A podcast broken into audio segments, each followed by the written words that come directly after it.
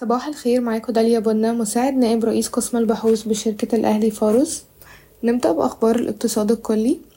قفزت إيرادات قناة السويس خلال أكتوبر إلى 880 مليون دولار بزيادة أربعة وعشرين في المية مقارنة بسبعمية وتسعة فاصل خمسة مليون دولار خلال نفس الشهر من عام عشرين اتنين وعشرين. استعرض مجلس الوزراء نحو تمانية وخمسين مشروع قانون على قائمة أولوياته تمهيدا لعرضها على مجلس النواب. وتشمل هذه المشاريع قوانين للمساعدة في تسهيل الخصخصة وبيع أصول الدولة للمستثمرين مع وضع خطة طموحة لجمع خمسة مليار دولار من أكتوبر عشرين تلاتة وعشرين حتى يونيو عشرين أربعة وعشرين. ومشاريع قوانين لمنح حوافز لمستثمري الهيدروجين الأخضر مثل الإعفاءات الضريبية.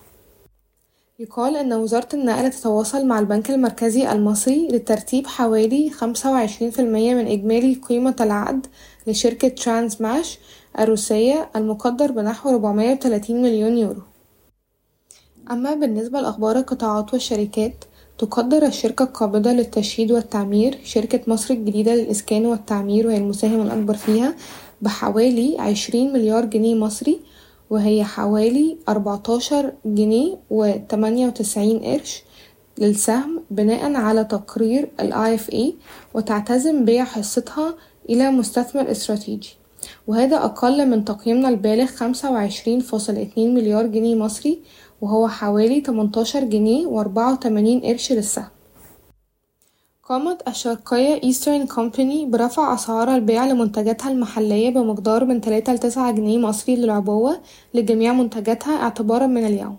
يبلغ سعر جميع منتجات كليوباترا الخاصة بالشركة الآن سبعة وعشرين جنيه مصري للعبوة مقارنة بأربعة وعشرين جنيه مصري للعبوة سابقا. ومن المتوقع أن يؤدي ارتفاع أسعار البيع إلى جانب انتعاش أحجام البيع نتيجة لتوافر المواد الخام إلى تعزيز الربحية. أكدت شركة مصر للألمنيوم في بيان للبورصة عدم تلقيها أي عرض رسمي أو غير رسمي للاستحواذ على حصة استراتيجية في الشركة حتى الآن.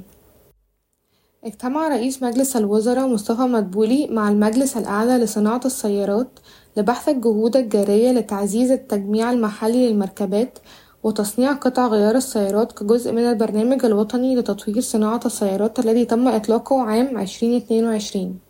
وقد وافق الاجتماع على إطلاق مشروع منصة رقمية جديدة ستربط بين موردي قطع غيار السيارات والمصنعين والمجمعين المحليين لتعزيز توطين الصناعة. سيتم إطلاق المنصة خلال اتناشر أسبوع.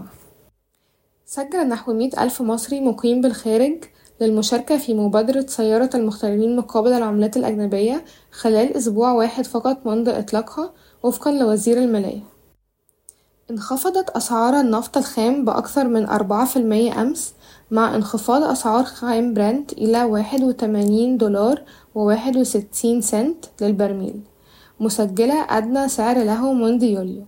استجابة لنشر بيانات تجارية ضعيفة من الصين وتجدد الشكوك حول إذا كان الاحتياطي الفيدرالي قد انتهى من رفع أسعار الفائدة.